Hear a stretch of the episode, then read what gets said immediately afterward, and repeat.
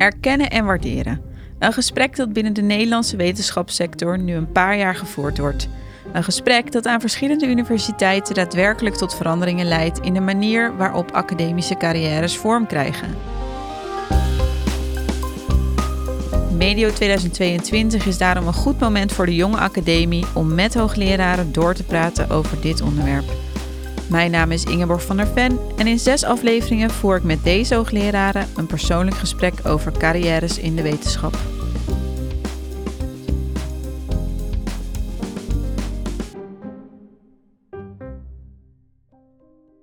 Vandaag spreek ik met Klaas Landsman. Landsman is hoogleraar mathematische fysica aan de Radboud Universiteit en ontving dit jaar de Spinoza-premie. Hij wil met de beurs een team om zich heen bouwen van jonge mensen met verschillende disciplines, zoals wiskunde, filosofie, natuurkunde en geschiedenis. Hij wil vooral ook wiskunde op de middelbare school weer sexy maken, al dus een artikel in de Gelderlander. En hij wil een jaar lang alleen in een hutje op een eiland zitten. Niet voor vakantie, maar vooral om na te denken. Klaas, welkom. Dankjewel. Ja, was een mooie interview ook weer, naar aanleiding van de Spinoza-premie. Ik heb hem gisteren teruggekeken. Ja, er waren meerdere leuke interviews. Dat eilandje, dat is trouwens Engelsmanplaat. Dat is een zandvlakte bij Schiermonnikoog, die de helft van het getijde ook nog onder water staat. En daar is een vogelhut op. En daar wil ik inderdaad het liefst eigenlijk gaan wonen. Oh, echt wonen ook? Ja, uh, ja. Maar is dit een concreet idee? Want zoals het in het artikel stond, klonk het als een soort uh, wens. Maar dit... Het is uh, minder dan een wens. Het is een droom die niet uitvoerbaar is. Oh, maar het geeft wel een soort richting. Ja, aan alle andere dingen aan die je wel andere wil dingen doen. die ik wel wil doen. Ja, wat goed. Ik, wat mij opviel in dat interview en wat zo mooi past bij het onderwerp van de podcast erkennen en waarderen, is dat bouwen van zo'n nieuw team. En dan komt bij mij de vraag meteen op, als je dan zo'n nieuw team gaat maken, wat voor eigenschappen let je dan op bij de selectie van dat soort mensen? Nou, dit, dit, team is moeilijk samen te stellen omdat het interdisciplinair is. Dus zoals je zei, ik wil doen wiskunde, natuurkunde en wetenschapsfilosofie en wetenschapsgeschiedenis. En uh, filosofen hebben vaak maar een basiskennis van wiskunde en natuurkunde. En wiskundigen meestal geen kennis zelfs van de filosofie en geschiedenis. Niet eens van wiskunde. Nee. Dus uh, dat is heel lastig, maar er zijn een paar plaatsen ter wereld waar toch wel opleidingen, bachelors en masters en promoties zijn in die richting. Oxford, Harvard en Cambridge is meteen heel pretentieus, maar dat, dat zijn wel de plaatsen waar die mensen als het ware worden afgeleverd. En die hoop ik dan binnen te halen. Dus okay. er zit een soort meertaligheid bij. Ja. Die, waar ik mijn hele leven al mee bezig ben. Ik, ben ik, heb die, ik spreek ook niet al die talen vloeiend.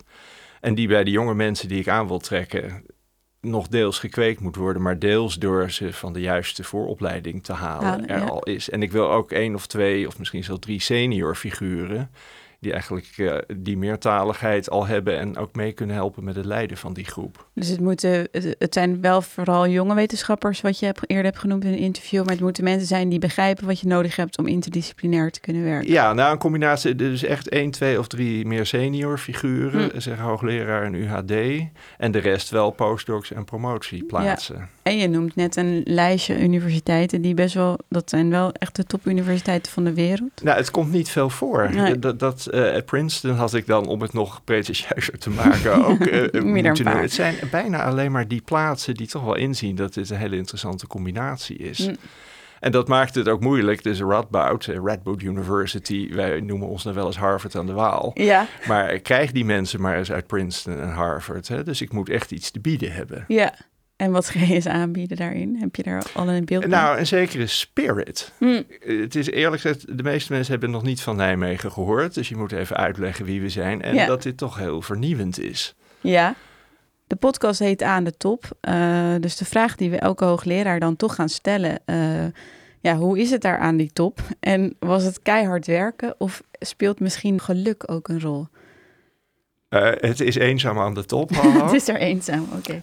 Okay. Uh, het is keihard werken en geluk. Oké. Okay. En keihard, uh, keihard werken en geluk zou ik uren eigenlijk moeten uitdiepen om te illustreren wat ik eigenlijk bedoel. Mm -hmm. om met geluk te beginnen. Je hebt natuurlijk het geluk dat je in een heel rijk land wordt geboren. En ik heb dan ook nog de zeven vinkjes, zoals het tegenwoordig ja. heet.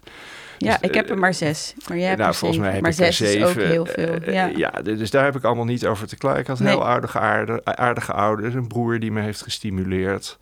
We hadden veel boeken thuis. Dus dat is al een kwestie van geluk. Ja. Aan de andere kant, uh, wat het keihard werken betreft, zou ik dat eigenlijk door een soort sterke focus vervangen. En ik las een keer een interview over Wesley Snijder. Ja. Dat die al als peuter altijd met een voetbal bezig was. Die, waar die ook mee naar school nemen. Dat mocht dan niet van die. Maar hij zat altijd met een voet, voetbal tussen zijn benen gewoon te dribbelen in de klas. Dus iedereen werd er helemaal gek van. Mhm. En dat was niet uit hem te slaan. Nee. Dus zo iemand is altijd al bezig geweest met... Ik denk dat je daar ook veel balgevoel kreeg. Hij wou dat altijd en hij was er altijd mee bezig. Ja.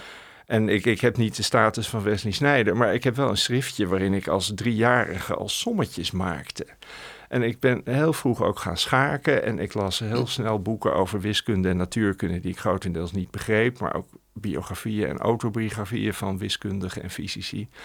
Ik ben er wel toch altijd mee bezig geweest, gewoon vanaf mijn derde bijna. Ja. En dan had ik eh, het geluk dat dat mogelijk werd gemaakt en ook aangemoedigd. En weet je waardoor dat kwam? Of is dat echt iets wat je zelf gewoon al deed? Nou, dat is niet. Nee, mijn, mijn moeder was journalist en heel Hmm. erg talig en literair. Mijn vader was chirurg en mijn broer die heeft Engels gestudeerd en is ook een soort halve muzikus. Mhm. Dus daar kwam het allemaal niet van.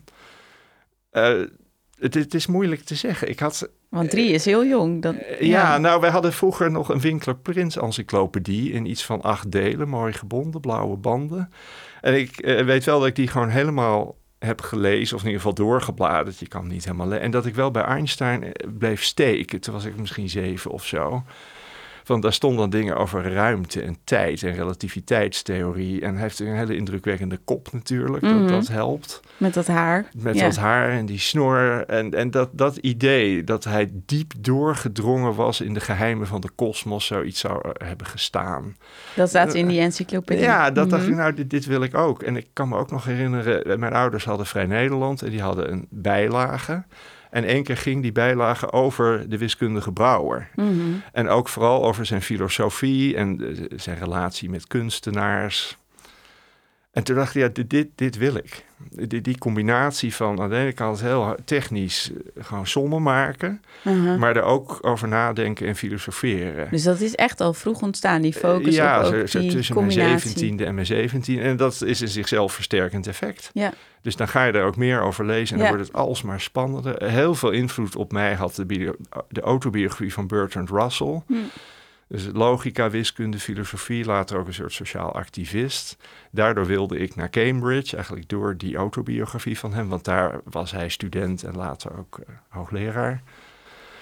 Nou, ik geloof niet dat iemand mij die cadeau deed. Het is meer dat je zelf, eh, inderdaad, na een eerste impuls, die Ja. toevallig kan zijn, eh, toch wel zelf steeds verder En dat gaat. is dan wat jij wel misschien wel terecht noemt, dat geluk, maar dan dat van die zeven vinkjes. Als je zo'n context hebt, hè, waar je wel Ja. die dingen wordt aangereikt, waar je ze vindt in een kast of Dat klopt. op een tafel. Maar het is ook de combinatie van geluk en keihard werken. Ja. Want die focus, die moet je wel waarmaken. Je bent er eigenlijk altijd mee bezig. Ja, Dus in die zin denk ik dat eh, voor zeg, niet-wetenschappers, niet-kunstenaars...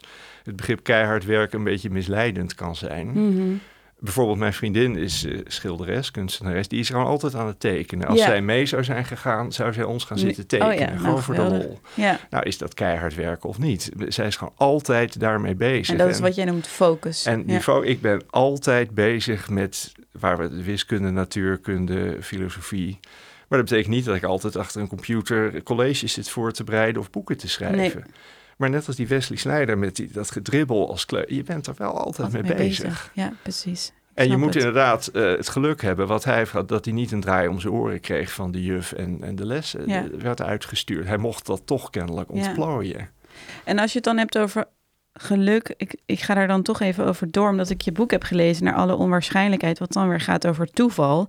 Eh, ik ga maar even, we hebben echt een korte podcastopname, dus ik ga niet de hele diepte in, want dan ben ik zo meteen de tijdsmanagement helemaal Mhm. kwijt. Maar toeval is natuurlijk wel een interessant woord en begrip, omdat je dat ook rondom dat erkennen en waarderen zo duidelijk hoort. Hè? Van, ehm, jij zegt, je hebt die zeven vinkjes, je, het wordt je aangereikt, je hebt een bepaalde focus, je bent in je tienertijd be- eh, daar, eh, daarmee bezig. Maar je hoort ook geluiden binnen de wetenschap dat toeval zo belangrijk is. In de zin van je moet wel juist die PhD plek krijgen of wel de juiste financiering. Of Nee, dat is zo. Er is een hele mooie uitspraak van uh, Louis Pasteur, die, die bijna mijn lijfspreuk is. Lazare ne favorise que l'esprit préparé. Dus het geluk bevoordeelt alleen de voorbereide geest. Dus de rol van geluk is groot, maar als je een voorzet krijgt, moet je hem er wel in kunnen tikken. En dat is dan weer niet een kwestie van geluk. Dus dit hele spel is volgens mij een samenspel van focus en geluk. Ja. En, dat is ook weer de voetbalvergelijking. Ja, en dan heb je trouwens ook, uh, het heet aan de top, maar je hebt natuurlijk de top en de top. Je hebt natuurlijk mensen als Einstein of op nou, iets lager niveau, maar nog steeds heel hoog niveau in Nederland. Gerard het Hoofd, de natuurkundige, of Frans de Waal, de bioloog. Mhm. In Engeland, waar ik lang heb gewerkt, Stephen Hawking en Roger Penrose. Het is niet Einstein en Newton, maar het is een heel hoog niveau. Ja. Van dat soort mensen vind ik, alles wat zij aanraken verandert in goud. Daar is gewoon de geluksfactor Mhm. Is er bijna niet. Nee. Als, zij hier deze ruimte schoon zouden moeten maken, zou ze iets ontdekken en iets opvallends bedenken. En hoe zou je dat dan noemen? Eh, nou, dat is gewoon een, een niveau wat, wat, duidelijk hoger dan dat van mijzelf is. Dus eh, de eigenlijke vraag gaat mhm. over mijn niveau en misschien daar iets onder. En dan wordt de factor geluk wel steeds groter. Dus je mhm. hebt honderden mensen die allemaal genoeg vinkjes of genoeg aanmoediging hebben gehad om... Die staan allemaal klaar voor een, die een leuke studie te kiezen en om te promoveren. Ik denk dat eigenlijk iedere goede student, in ieder geval in gebieden waar ik zicht op heb, toch wel een promotieplaats krijgt. Mhm. En daarna krijg je een flessenhals. Daarna wordt het moeilijk en dan mhm. is uh, de factor geluk groot. Dus als ik mezelf als voorbeeld neem, ik, ik had het ten eerste hoog in de bol en ik wou ook echt naar Cambridge. Dus ik heb na mijn promotie... De focus, ja op heel weinig plaatsen gesolliciteerd, namelijk Cambridge, Harvard, Princeton en CERN en Yale. Dit is beschamend om dit te zien, ja, dit, dit is gewoon zo. Ja. En ik kreeg Cambridge en dat was een van 200. Dus de, plaats die ik kreeg, research assistant in een bepaald instituut, er waren 200 sollicitaties en dan ben ik de enige die het krijgt. Dat was bepalend voor mij geweest. En mhm. als ik later zat ik zelf in al dat soort commissies. En dan zie je hoe groot de factor geluk is. Het is een touwtrekkerij tussen verschillende groepen. Ja, nu zijn jullie aan de beurt, want vorig jaar hadden jullie die en die. Er moet iemand het voor je opnemen. Je aanbevelingsbrieven moeten deugen. Maar daar zit ook wel weer de focus en de kwaliteit in. Ja. Dus de, de factor geluk is groot. Het is maar hoe de verhoudingen liggen bij zo'n vergadering... waarin ik uiteindelijk werd gekozen als de, de nieuwe medewerker... Maar ik, ik, kwam ook niet voor niks bovenaan drijven in zeg maar twintig kandidaten, waar dan verder alleen maar politieke argumenten de keuze maken. Ja. Als ik dat niet had gekregen, weet ik niet of ik door was gegaan. Dan had ik gezegd, nou, de, de, de greep is mislukt. Ik uh, word schaker of politicus of ik ga een nieuwe studie doen, klassieke talen of zo, wat mij ook interesseerde.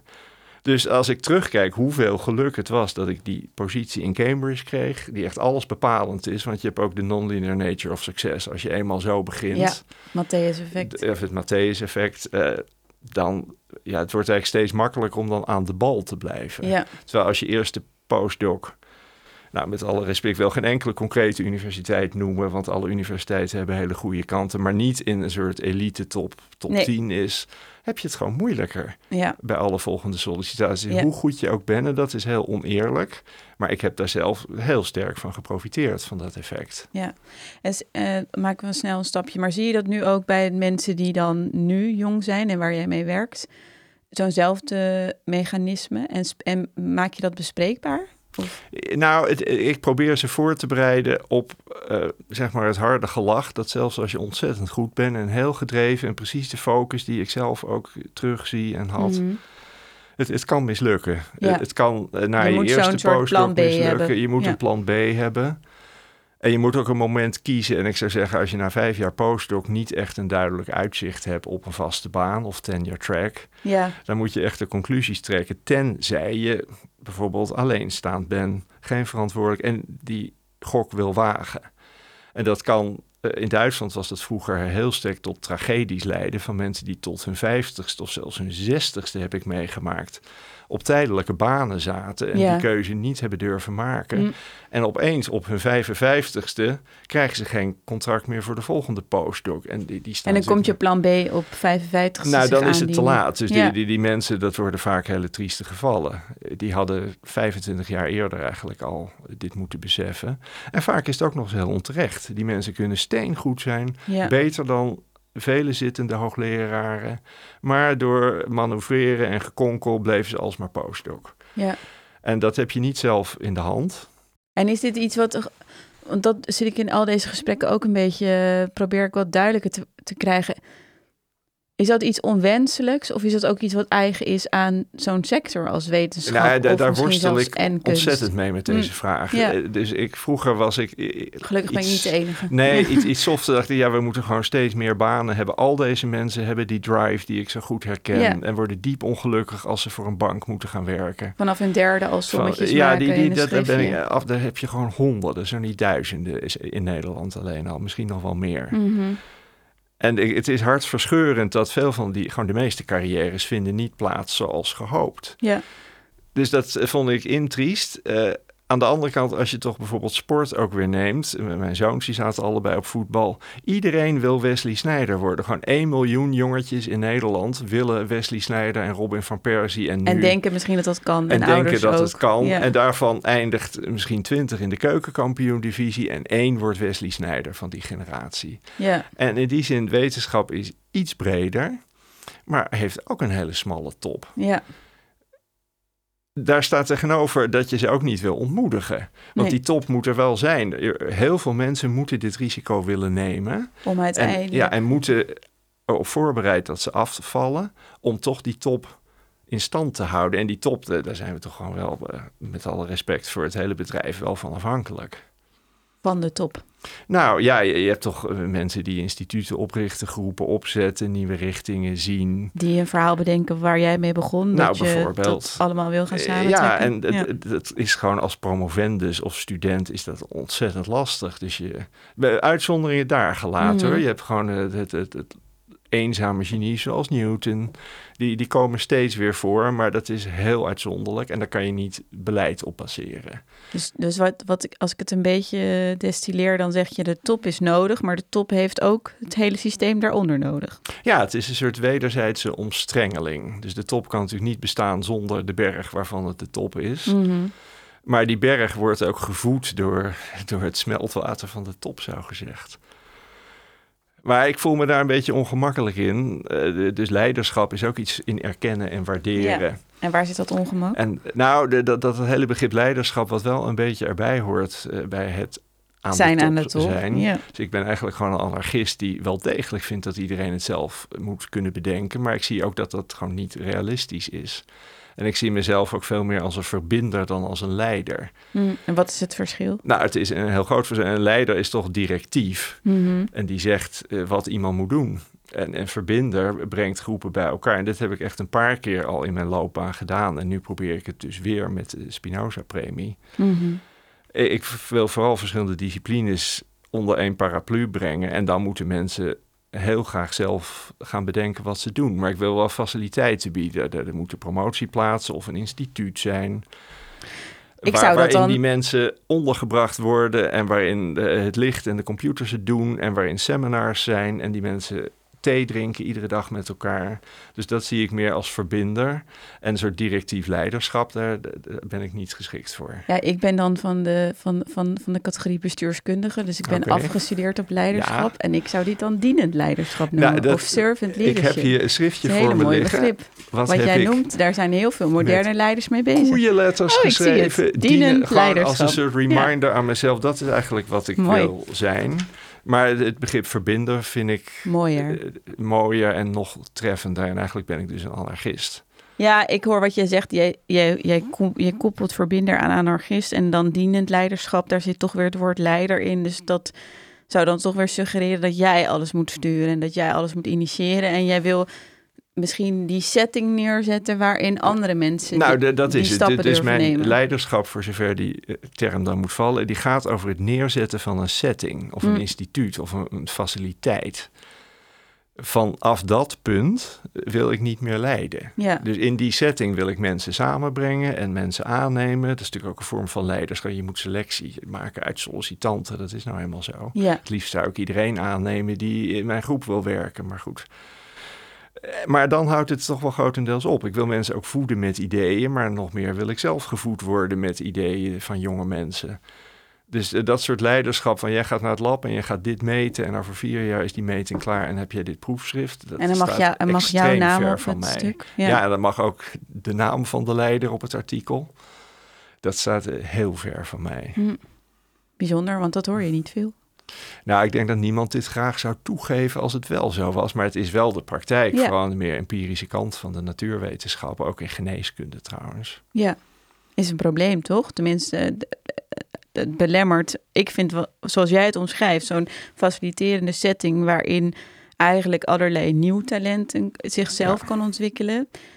Uh, ik moet altijd oppassen ik zelf niet politiek uh, word in wat ik dan zeg, want ik heb hier een wat onafhankelijke rol. Maar uh, nou, dat vind, ik, dat vind ik ook ergens voor spreken in de zin dat je dan dus meerdere mensen tot bloei kan laten komen. Terwijl in dat andere model is het toch meer gericht om degene die al aan die top zit, nog, nog, nog meer hoger eh, op te tillen. Nee, dat, dat klopt. En uh, ik, ik ben extreem terughoudend in het zetten van mijn naam op publicaties van medewerkers. Mm. Zelfs als ik het idee had of zelfs als ik de helft van het werk heb gedaan, dan doe ik dat niet. Nee. Het is ook recent een paar keer voorgekomen dat zelfs de student het vroeg. Ik wil zeggen, hoe wordt dat ontvangen, zo'n houding?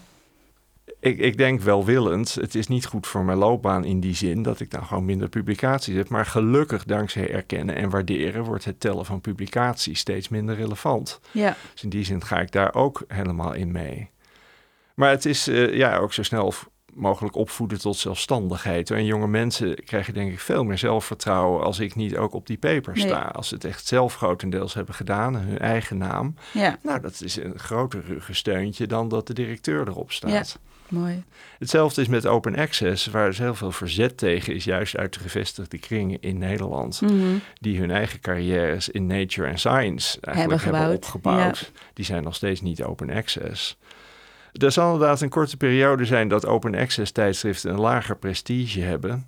Maar als bijvoorbeeld in een aanbevelingsbrief voor een sollicitant dat wordt uitgelegd, hij mhm. staat in dit en dit zogenaamde B-tijdschrift met een fantastisch artikel, ja. omdat wij naar een nieuw systeem willen, dan denk ik dat juist dat ook wel wordt gewaardeerd. Ja.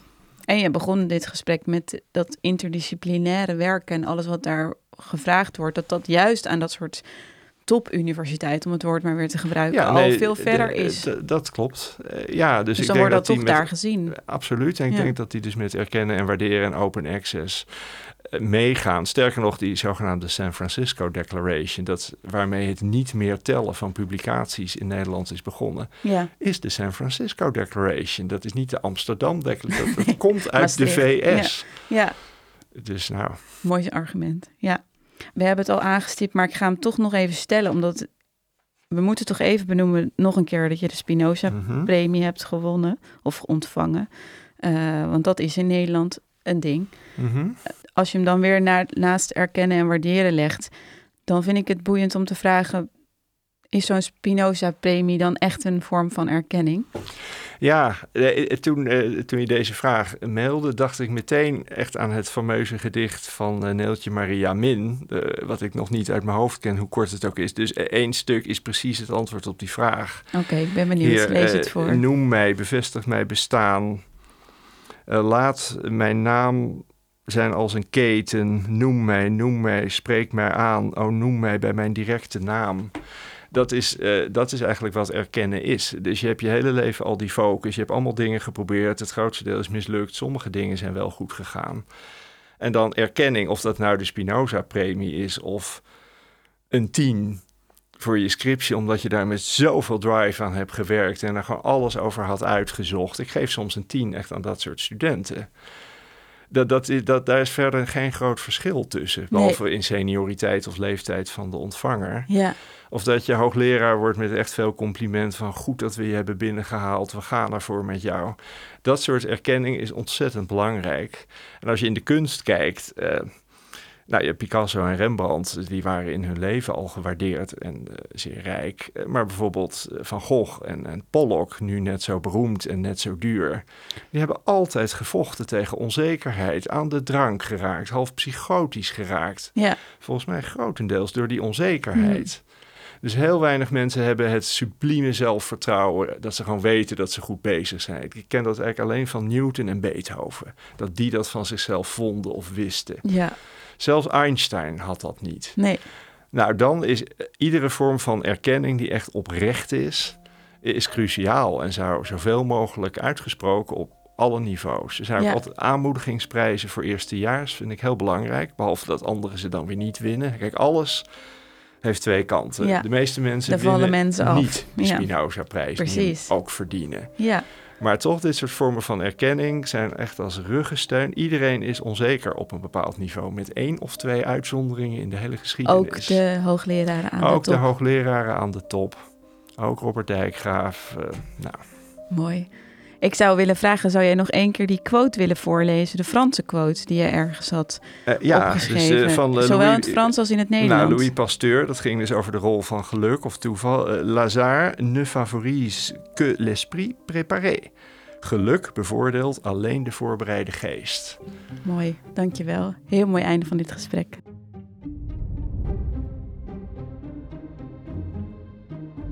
Volgende week hoogleraar biologische psychologie en de oprichter van het Nederlandse Tweelingenregister, Dorette Boomsma.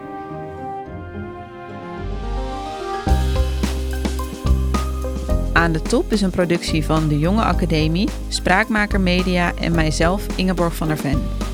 We moedigen je aan om een reactie achter te laten in je podcast-app en aan je eigen instelling deel te nemen aan het erkennen en waarderen gesprek. Dank voor het luisteren.